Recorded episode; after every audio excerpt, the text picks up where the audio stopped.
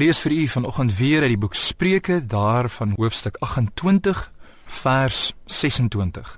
Wie op sy eie hart vertrou, hy is 'n dwaas, maar hy wat in wysheid wandel, word gered.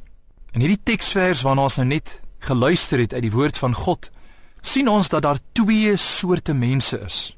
Aan die een kant is daar die persoon wat sy eie hart vertrou.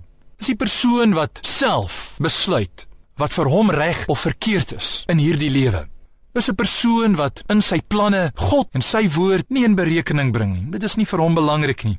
Dis 'n persoon wat, soos die skrif hier sê, op sy eie hart vertrou.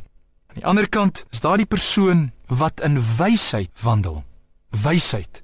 En nou moet ons die vraag vra, wat is die gevolge van hierdie twee persone se lewens? Die een wat op sy hart vertrou en die ander een wat in wysheid wandel. En die skrif is hier baie duidelik. Kom ons luister weer daarna. Wie op sy eie hart vertrou, hy is 'n dwaas.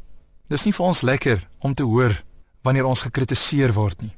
Maar u word ook in hierdie gedeelte opgeroep om wys te wees, om in wysheid te wandel, want dit sê hier: "Maar hy wat in wysheid wandel word gered. In die boek 1 Korintiërs 1 vers 30 lees ons dat die Here Jesus Christus vir ons wysheid geword het. Vertrou op die Here Jesus Christus. Hy is die wysheid van God ook vir u. En so kan u weet dat deur op die Here Jesus Christus te vertrou, sal u gered word. Dit is God se belofte. Dit is waar. U kan daarop vertrou. Amen.